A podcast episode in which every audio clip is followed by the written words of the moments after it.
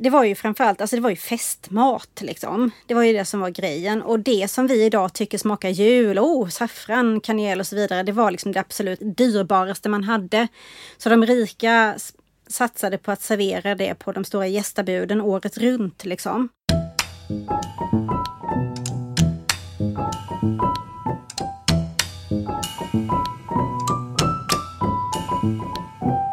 Det här är Matarvspodden.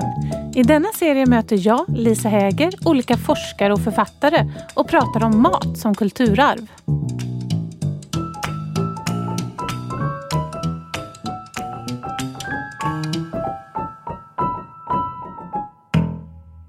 Ja, hej och välkommen till Matarvspodden. Jag heter Lisa Häger och i detta avsnitt av Matarvspodden så tar vi oss an gamla traditioner och maträtter som genom historien har kopplats till juletid i Sverige. Och tillsammans med mig idag är Marie Schmidt. Hej! Och Liselott Örling. Hej! Och ni är arkeologer och museipedagoger vid Lödöse museum.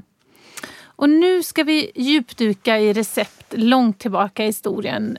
Från udda rätter och sötsaker till vad som idag betraktas som självklarheter på julbordet. Vad spännande det ska bli! Ja, absolut. Ni kommer ju från Lödöse museum och varför finns det ett museum i Lödöse, den lilla, lilla platsen utanför Göteborg i Lilla Edets kommun? Ja, det är ju ganska många som kan fråga sig det ibland när man åker förbi. För det är inte så mycket att se idag där kanske. Det är mest en slumrande, ett slumrande litet samhälle. Men det var faktiskt platsen för en av Sveriges första städer en gång i tiden. Under 1100-talet. Och eh, idag är det då en av de fyndrikaste medeltida platserna i Sverige. Um, så därför finns det ett museum där idag. Det oh. finns massor med saker under mark. Ja, vad spännande. Det, är mer, eh, det syns mer under mark än ovanför mark just nu alltså? Ja, absolut. eh, och eh, vad är det för tidsålder vi befinner oss i då när Lödöse hade sin punkt i historien? Men det är ju den här magiska medeltiden då. Ehm, om vi brukar väl säga att eh, medeltiden i Sverige sträcker sig någonstans från mitten av 1000-talet till början av 1500-talet. Och Lödöses historia börjar ju faktiskt redan under 1000-talet egentligen med några storgodar. Ehm, men växer då fram till en stad under 1100-talet och har väl sin storhetstid där under 12-1300-tal. Och efter 1350 ungefär kan man väl säga att det dalar i Lödöse. Eh, och eh, i slutet på 1400-talet så flyttar väl större delen av staden ner till en nuvarande Gamlestan i Göteborg och blir då nya Lödöse. Det är väl en väldigt snabb ja, återgivning stadens historia. Eller Nylöse som det också kallas. Nya Lödöse, Nylöse. Ja, precis. Ja. Spännande! Och hur är det med eh, Sverige som land då? Vad var det för land på medeltiden, Sverige? Det är så himla bra fråga det där för att medeltiden är ju eh, 500 år ungefär. Eh, och det händer ganska mycket på just de 500 åren. Ganska stora omvälvande förändringar i samhället. Om man liksom tar början av 1100-talet då är det fortfarande liksom ja, men ganska mycket stor, storsläkter, som, alltså mer av ett klansamhälle nästan kan man säga. Eh, Medan i slutet av medeltiden, fram på 1500-talet, så är det ju mer, ja men kanske lite av den här riksbildningen som, som eh, senare blir Sverige då. Eh, men det är ju alltså ett samhälle som går ifrån, ja men det så blir det ju byte av religion. Eh, kristendomen kommer ju hit, katolicismen. Och där är ju Västsverige det kristnas ju lite tidigare än, äh, än vad östsidan av landet gör. Ähm, och ähm, det, det, bildas ju städer och det kommer en helt ny samhällsordning. Liksom. Så att det är ju stora förändringar från stort till smått som, som sker under den här tiden. Så det är en väldigt spännande tid att mm. röra sig i. Och mycket ny mat naturligtvis som kommer hit med det. Mm. Och Lödöse som en hamnstad utvänd mot Europa. Precis. Vad spännande. Det ska vi prata mer om lite längre fram. Vad det fanns för influenser när det gällde maten. Men hur är det? Ni har ju tittat lite på mat eh, på Lödöse museum. Eh, kan du inte berätta lite? Jo, precis. Det, det började väl egentligen med att vi, eh, alltså, vi, hör, vi, vi jobbar ju mycket med alltså, skriftliga källor. Eh, och det finns ju en hel del eh, receptsamlingar eh, från medeltiden. Alltså ja, 1200-talets Danmark och 1300-talets England och sådär. Och det är klart att det är ju liksom kul. Jag har ju hållit på mycket själv eh, på fritiden och lagat medeltida mat för att jag tycker att det är, det är väldigt gott. Jag gillar de smakerna liksom. Smakkombinationerna. Eh, men sen så bestämde vi oss för att vi skulle testa och leva på medeltida mat en hel vecka gjorde vi. Mm. och inte fuska överhuvudtaget och då innebar ju det att eh, eh, man skulle ju då alltså inte äta innan den första gudstjänsten på dagen för det här var ju som sagt, vi var ju en del av det katolska Europa. Eh, och eh, ifall man då skulle ta nattvarden eh, så fick man ju alltså inte lov att ha mat i magen. Så att då, då drack man bara en mugg öl, gärna varm öl på morgonen.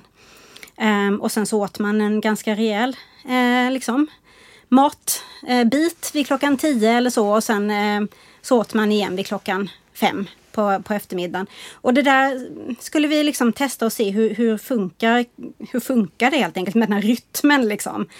Mm. Um, och det kan man väl säga, det fick ju sina effekter på kroppen. Man var ju inte alls van och det, vi, det blev att vi, ja, och framförallt det här med att inte dricka kaffe och te var, var ganska tufft. En Så, medeltida detox helt enkelt. ja, alltså vi höll ju inte det inte ens närmare. Det gick ju inte. Nej, jag, alltså, nej precis, alltså, vi fuskade ju lite gjorde vi. Eh, framförallt Liselott kanske. alltså jag, jag är ju så, jag blir ju hangry. Jag, blir, ja. jag, jag måste ha ja. jämnt matintag. Sen. Så det och, kanske inte var Liselott som, som fuskade utan det kanske var hennes eh, omedelbara omgivning som tvingade henne ja, att fuska? Alltså, om man säger som så här att eh, det som eh, det som man åt i slutet av måltid var ofta så här att man kunde äta typ avsluta måltiden med frukt, typ äpple, päron, nötter och mandel och sånt. Vi åt äpple, päron och äh, nötter och mandel hela tiden för att vi var hungriga då. Ah, ja. um, och så och sen så sista dagen då bara klarade jag inte av det här med den varma ölen till frukost utan då tog jag, då bestämde jag mig för att jag var sjuk och så tog jag örtte som egentligen är medicin. Ja, ja men rimligt. Och ni har också gjort en julkalender. Mm. Ja. Och det var väldigt roligt. gjorde mm. vi ju, eh, nu kommer jag inte ihåg vilket år det var. Nu har det varit 2020 var det tror jag. Just det, det ja. var ju väldigt kul. Då gjorde vi fyra avsnitt där vi hade lite olika tema på varje avsnitt. Eh, medeltida då naturligtvis. Eh, där det var det ena när vi gjorde dekorationer till eh, julgranen. Um, och det andra avsnittet handlade om Sankt Nikolaus som man firar den 6 december och som då kopplas mycket till uh, presenter. Det är ju då, våran ja. jultomte är ju sammankopplad med det här helgonet Sankt Nikolaus då. Um, och um, Sen gjorde vi pepparkakor och en motsvarighet till glögg och sen så i det sista avsnittet så gjorde vi då eh, grejer till julbordet. Alltså tillbehör som man kan ha mm. till maten på julbordet. Mm. Och i alla de här avsnitten då så var det ju någonting man kan äta med i varje avsnitt. Och den finns ju fortfarande kvar så man kan gå in och kika om man är nyfiken på det. Ja, den finns på vår Facebook-sida. Och om vi då tänker lite på den här, ert arbete med att hitta mat och hitta, vad, vad hittar ni för källmaterial när ni tittar på vad det finns för mat eh, på medeltiden? Eh, ja, alltså om man säger som så här. Eh, det finns ju ett antal böcker utgivna eh, som är liksom medeltida receptsamlingar. Det finns till exempel Maggie Blacks Den medeltida kokboken. Eh, och det är ju liksom en blandning av olika eh, receptsamlingar, framförallt ifrån eh, medeltidens England. Ehm, men sen finns det ju alltså, eh, mycket finns ju digitaliserat idag. Eh, så till exempel så finns ehm, om man är intresserad av, av dansk medeltid så finns eh, en, en väldigt bra eh, sida som eh, Danskt språk och litteratursällskap eh, har lagt upp. Och då har de digitaliserat.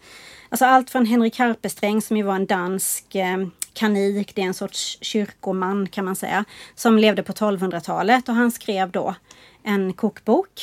Eh, och sen har de då ja, och ett antal receptsamlingar till som framförallt är då från, men från början av 1500-talet.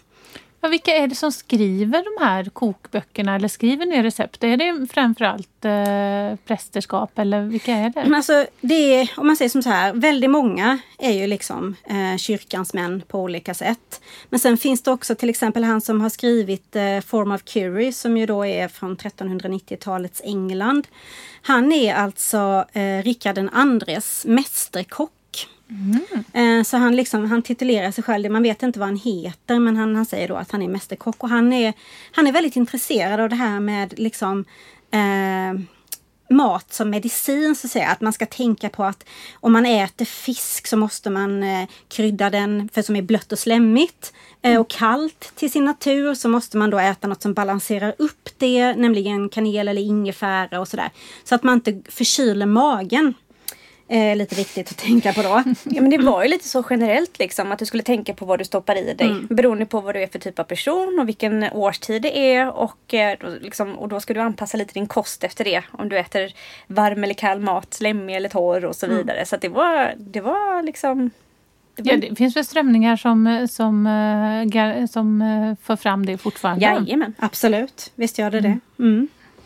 Mm. Men eh, du nämnde England, du nämnde Tyskland. Har du hittat några svenska källor också? Precis, vi har ju vår egna Peder Månsson som ju då var ehm, en, ehm, en munk som, och präst som, som levde på, på 1500-talet och han ehm, eh, Eh, han har också just skrivit ner en del recept, bland annat eh, ett helt förfärligt eh, ett.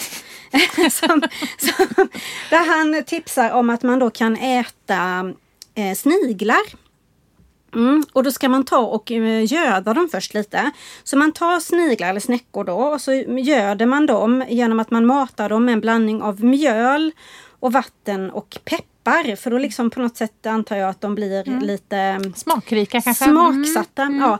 Och de kan man då sen steka i smör och äta, föreslår han. Vi har inte testat detta för någonstans där tror jag att gränsen gick. Alla letar ju efter medel att bekämpa de här spanska skogssniglarna. Ja. Så det kan ju vara en, en metod kanske då. Det skulle det kunna vara, att göra dem till husdjur som, för, som man föder upp för slakt istället. Då. Mm, ja. Ja. visst.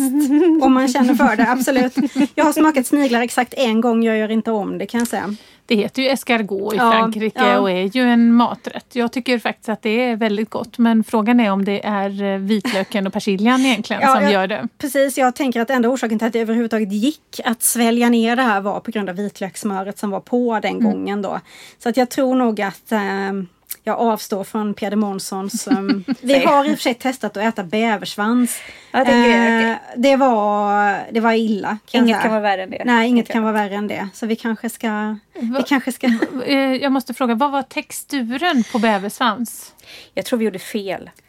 Eh, det blev liksom så här, eh, den är väldigt fet. Det är typ bara fett Ja. i bäversvansen. Mm. Och vi hade ju flotten först så att, och la den på grillen sen.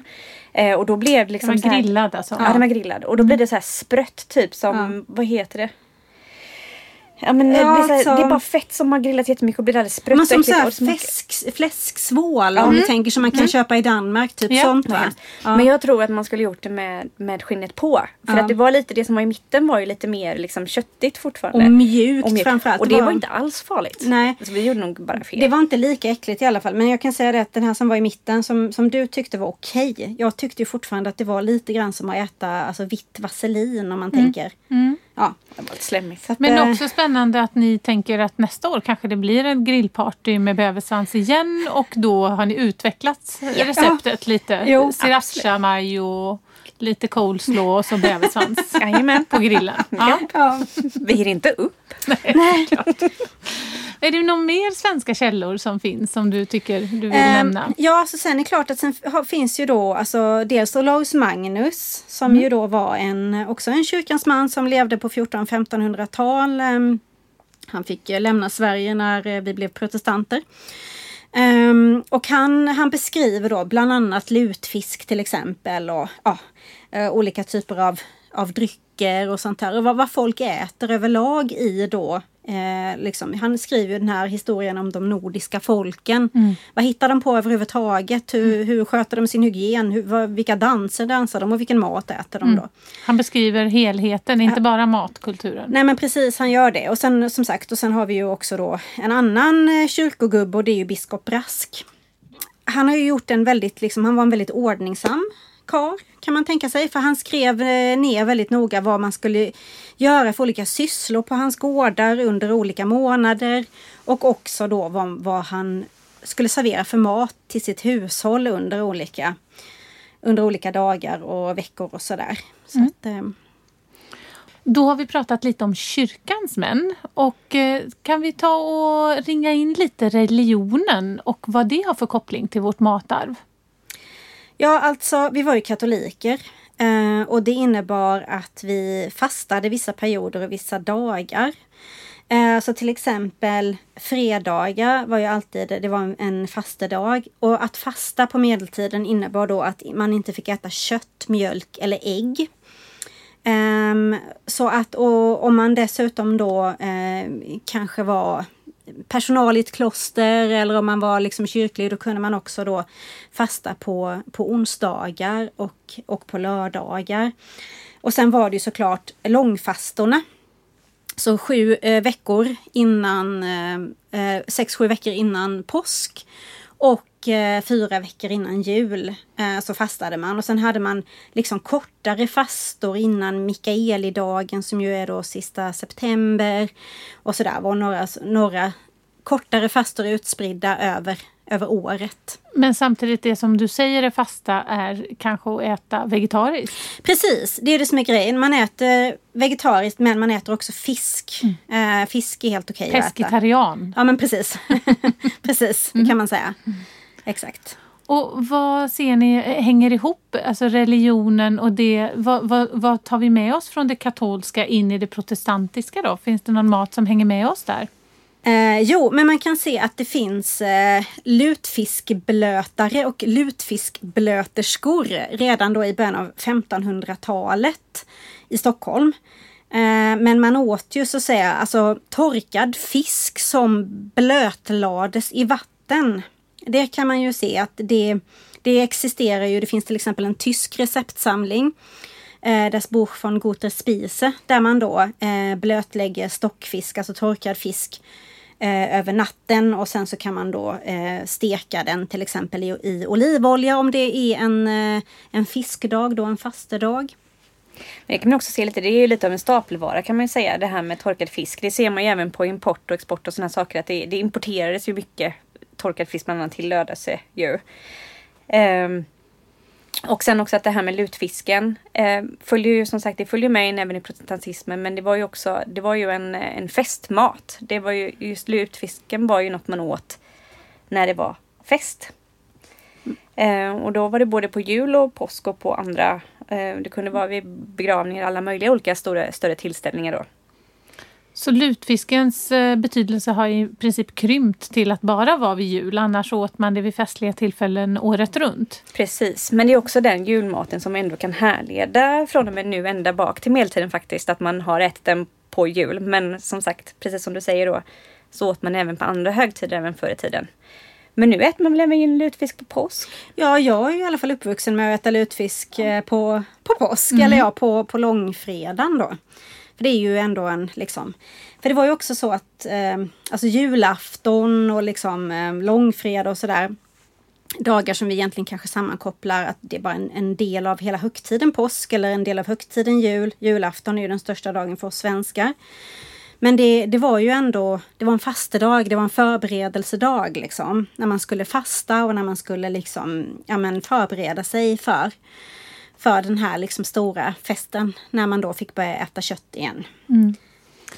Vi pratade ju lite om det innan det här programmet också, om det religiösa som att vissa maträtter har dröjt kvar lite extra länge i vissa delar av Sverige för att det hänger så tätt ihop med det kyrkliga och där är väl lutfisken ett exempel på det. Ja. Att... Ja men precis, exakt. Eh, just och det, och det är ju som sagt, eh, det är ju lite märkligt. I min familj så äter vi alltid eh, lutfisk på juldagen men vi äter då skinka på julafton liksom. Eh, och det, det, på medeltiden var det så sett tvärtom då. Då åt man fisk, alla möjliga sorters fisk. Det kunde vara liksom en av mina favoriter som jag faktiskt har provat att äta det är ju då alltså, eh, alltså torkad fisk som man har blötlagt och sen stekt i olja med olika örter, salvia och sånt. Och sen servera med russin och mandel. Väldigt märkligt men väldigt, väldigt gott. Ja, och det här receptet då, det här fiskreceptet, det, det nämns då i biskop Brasks matordning. Men när jag sen skulle laga till det här, då, då fanns det ju inget recept som biskop Brask har skrivit ner, utan då fick jag använda mig av ett tyskt recept från mitten av 1300-talet. Ja, spännande. Ett tips kanske för ja. en ny julmat. Ja, verkligen. Helt enkelt. Mm. Men hur, om vi nu pratar om Lödöse som en, eh, en handelsstad. Vad kan man se för spår i maten av eh, att det var en handelsstad? Eller vad tror ni man, man plockade upp från resten av Europa? Vilka handlade man med? Ja, alltså man, man handlade ju såklart med, eh, alltså det var ju transitohandel så man liksom man fick ju in eh, kryddor från Orienten, alltså peppar och kanel och den slags. Um, och sen så, sen så köpte man också väldigt mycket saker från närområdet som till exempel då Bergens fisk. Så det är ju helt enkelt fisk från eh, Atlantkusten eh, i Norge då. Och det är alltså sill och så vidare då. Um, och Ehm, och ja, saltad sill från Skanör Falsterbo och så vidare då. Och sen såklart väldigt mycket andra saker som inte har med mat att göra mm. också då. så kanske inte helt orimligt att de här recepten som du har hittat, de tyska och engelska, att man var bekant med dem även i Lödöse?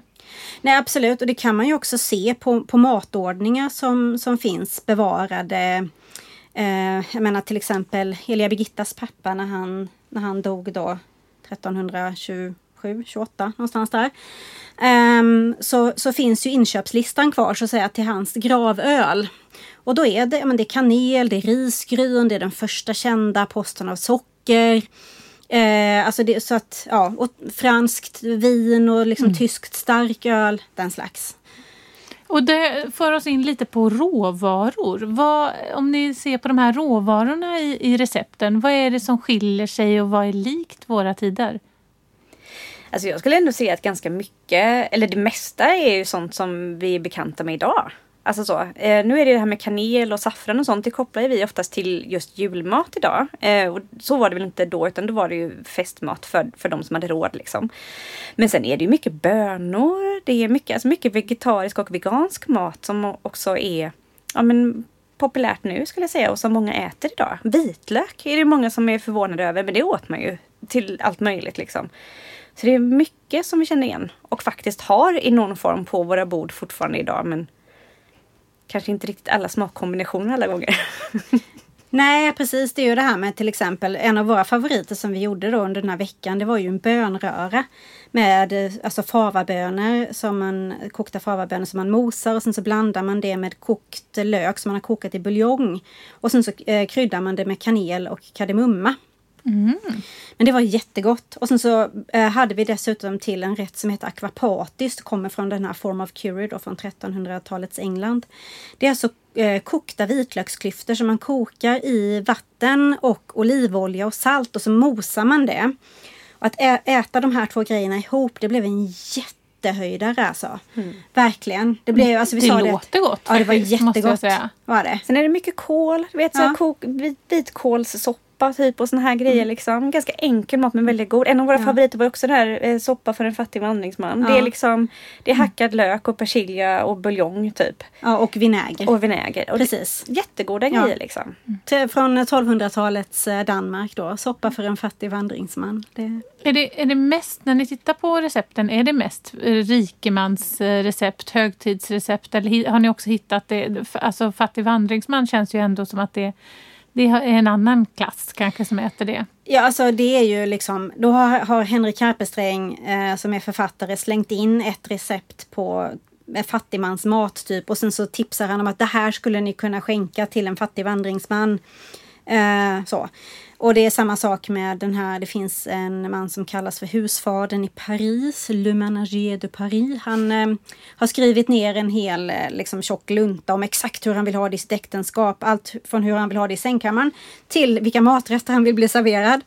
Ja, det... Och han var ogift eller? Eh, alltså han, han, Förblev det han, kanske? Nej, eh, nej, tyvärr var det ju så att eh, kvinnorna hade inte riktigt så mycket eh, och säga till om vem de skulle gifta sig. Så att han gifte sig med en stackars liten 15-åring som eh, eh, Eh, som då fick den här boken typ som så här, här varsågod, nu vet Men, du vad som gäller. Ja, det var en instruktionsbok i princip. Ja, det var det. Ja. Eh, det kanske i och för sig är bra att veta vad man ger sig in i. ja. Nu kanske inte hon hade så mycket val, men... Hon ja. hade nog inte det, utan hon, hon var föräldralös bland annat då. Och hon, eh, så så det var lite hårt där. Men i alla fall så, så har han en, ett helt kapitel som handlar om mat till tjänstefolket. Mm. Som heter Common Pottages Thin and Unspiced. Eh, och det låter ju kanske väldigt äckligt här. Men det är faktiskt inte det. Jag, jag testade, jag provade faktiskt att göra det med fritidsbarnen i Lödöse. Det var faktiskt väldigt kul. De tyckte det var jättegott och då är det alltså favabönor mm. som man då kokar i buljong. Jag kan säga det också, nu satsade jag på en väldigt bra buljong.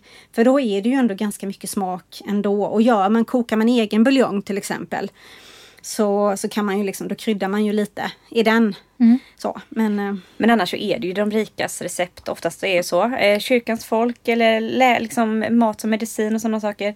Men eh, om, vi, om vi tittar på de här råvarorna som ni har hittat också. Vad, eh, kan man hitta dem idag? Kan man, alltså, har det varit svårt för er att få fram eh, underlag till att laga medeltida mat? Är det någonting som varit svårt? Bäversvans förstår jag ja. kan vara svårt att gå till ICA Maxi och handla. Men Eh, eller Konsum eller något annat företag. Men ja. Ja, precis. Nej men alltså eh, det var ett recept som vi som jag har velat prova i kanske tio års tid eller ännu längre. Som vi nu provade i augusti. Och det är från också Form of Curie, då, den här engelska boken. Ehm, och det är en sallad. Um, och där behövde, man, där behövde vi ha gurkört och nu odlade vi det själva i Lödöse museums fantastiska örtagård.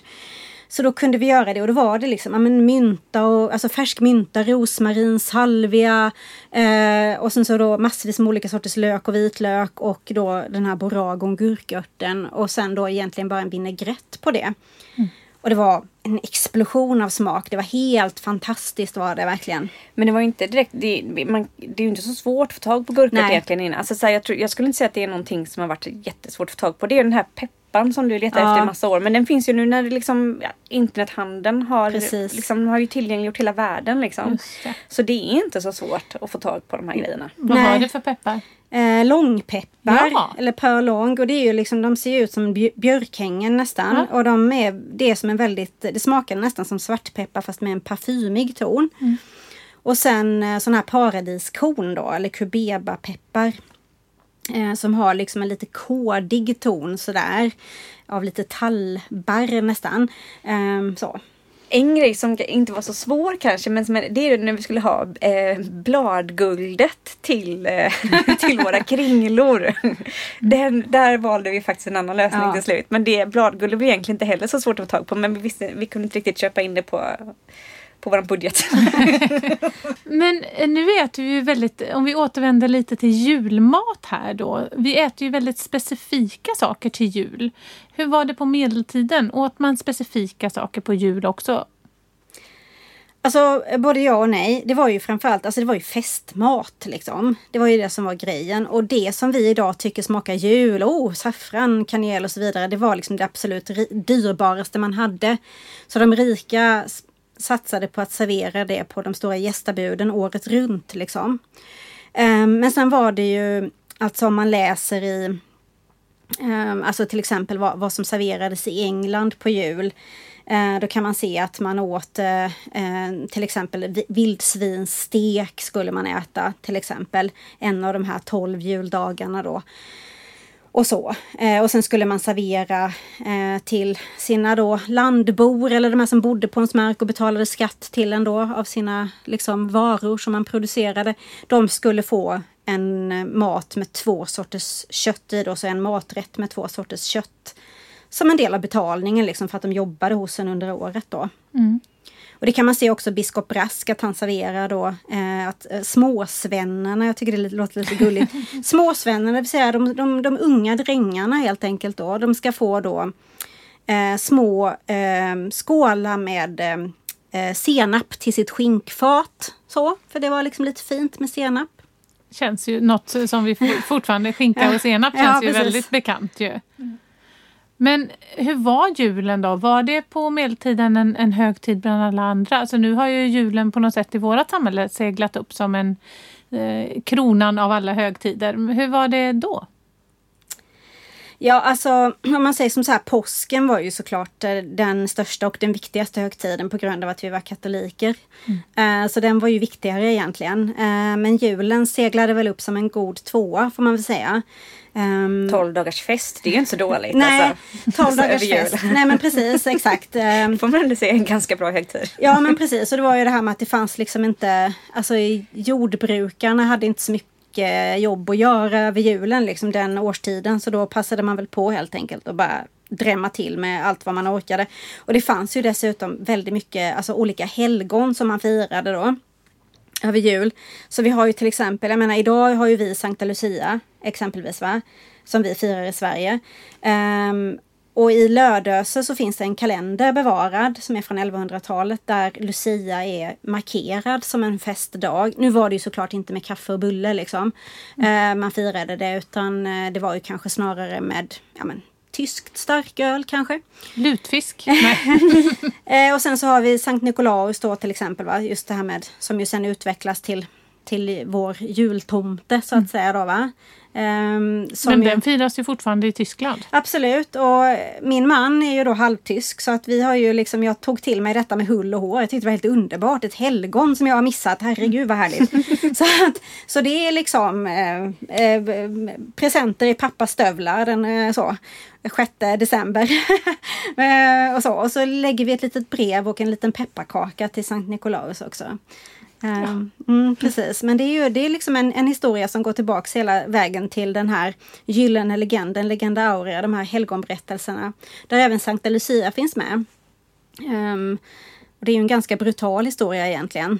Sankt Nikolaus har ju en lite snällare anstrykning. Ja, men då, då, du får ju inte säga A utan att säga B. Nu får du berätta vad eh, Sankt Nikolaus eh, historia är. Alltså Sankt Nikolaus, eh, alltså han var ju en biskop som bodde i dagens Turkiet eh, i då eh, Myra.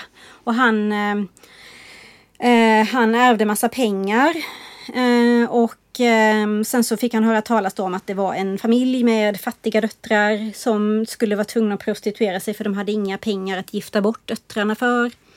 Och då tyckte han att han ville ge pengar till dem så de skulle kunna gifta sig. Men tyvärr då så, eller han, ja, han tyckte väl att det var lite pinsamt att knacka på sig här varsågod får ni pengar. Att hade, pappan hade behövt skämmas i familjen då. Så då slängde han in eh, börsar med guldmynt genom eh, genom fönstret och då landade den här börsen med guldmynt i strumporna som hängde på oh. tork. Precis. Vilken basketstjärna. Ja, men exakt vilken basketstjärna. Och, eh, och sen så eh, blev det väl så att eh, han, han klädde ut sig med en stor rock och ett skägg för att inte folk skulle känna igen honom och lite sådär. Alla de här grejerna står inte i den gyllene legenden. Det här med att han klädde ut sig är väl senare tillagt mm. tror jag. Mm. Eh, men han, han, gjorde ju massa mirakler då. Det var liksom när det var hungersnöd så eh, gjorde han liksom mirakler så att det blev säd för folk att äta och sådär. Hur är det då med Lödöse som en hand, hamnstad och som en handelsplats? Finns det ett gemensamt europeisk smak när det gäller mat? Eh, har ni kunnat se det? Ja, alltså om man säger som så här. Um, man, man hittar ju ungefär samma kryddningar på allt från bönröra till liksom helstekt gås. Eh, egentligen i hela Europa, alltså Frankrike, Tyskland, Danmark och så vidare då.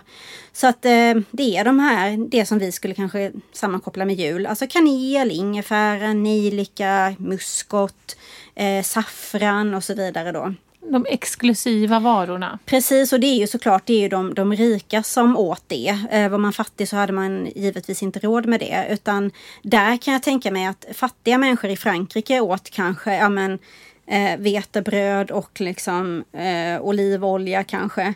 Medan då fattiga människor i Sverige snarare åt råggröt, rågbröd, öl och så vidare då. Det var lite mer beroende på där, odlingszonerna, vad som eh, funkade att odla på plats så att säga. Mm. Vad du kunde göra, vad du kunde odla själv. Råg i Sverige, är det någonting annat som ni ser att man kanske åt eh, i Sverige som man inte åt i Europa? Ja, alltså om man säger som så här. Eh, en sak som är lite kul det är ju när vi har gjort utgrävningar i Lödöse de senaste åren så har det gjorts jordprover och sådana makrofossila analyser och då har vi ju upptäckt bland annat att man använder sig av bovete.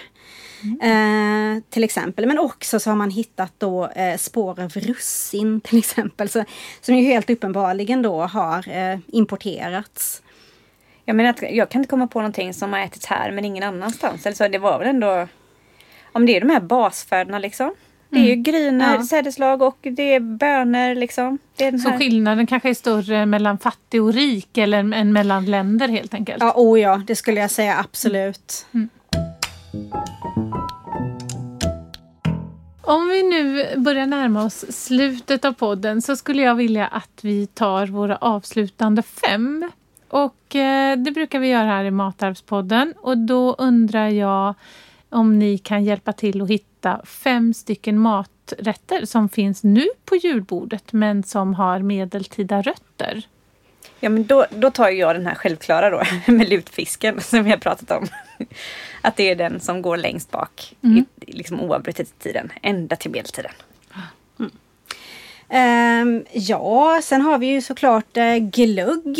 Uh, även om det inte hette glögg så finns det ju då olika typer av uh, kryddade sötade viner. Så vi har till exempel uh, Claré som är vitt vin som är kryddat med honung och kanel, ingefära, nejlika och så vidare. Och så har vi hypokrass som är rött vin som man kryddar med socker och då också ja, men, till exempel då långpeppar och eh, kanel och ingefära. Ja, välkommen hem till oss på hypokrassparty i jul. Eh, Liselott, mer? Ja, då det här med godis, julgodis det är ju ändå någonting som man också har haft långt tillbaka. Det finns en källa från Tallinn på 1400-talet när man eh, liksom klädde julgranen med eh, goda kringlor. Eh, med de här som, det var ju de som var täckta med bladguld då som hängde upp i granen. Tillsammans med nötter och äpplen och sen så på julafton då så dansade man runt den här granen och sen fick barnen plundra den, äta upp godiset. och det påminner väldigt mycket om det som vi fortfarande gör då efter jul med julgransplundringen. Härligt. Mm. Eh, ja, sen har vi ju såklart det här med, med kakor. Eh, som pepparkakor och eh, klenetter. Och Eh, det här med eh, alltså pepparkakor. Eh, hade, alltså en medeltida pepparkaka är ingenting som vi kanske hade känt igen idag för att de är liksom inte bakade i ugnen utan det är brödsmulor med honung och kryddor som man plattar ut till en liten go, lite deg sådär. Mm. och det liksom kan vara kryddat med ja, men kanel, ingefära, peppar eh, och sandelträ så de blir lite röda. Eh, och så ska man då sätta hela kryddnejlikor på. Um, och sen även klenetter då. Är ju också någonting som till exempel biskop Brask nämner att, att man åt mm. um, på jul. Mm. Och Liselott? Ja, men då kanske det är det här med ölen då. Julölen eh, har vi ju idag. Och, och, även om det inte hette julöl så drack man ju öl eh, ända bak till medeltiden. Även om den var eh, tillag, tillagad eller man säger, på, på lite annorlunda sätt. Eh, men den har hängt med. Mm. Spännande, då är det bara för lyssnarna att duka upp till ett medeltida julbord helt enkelt. Och jag tackar er så mycket för att ni kom och gästade oss idag. Tack ja. så mycket och god jul! Ja, tack så mycket och god jul! Tack och god jul! Matarvspodden produceras av Kulturarvsakademin vid Göteborgs universitet. Vill du veta mer om mat som kulturarv? Läs gärna boken Matarv som finns på Carlssons bokförlag. Och vill du veta mer om Kulturarvsakademin? Sök på webben.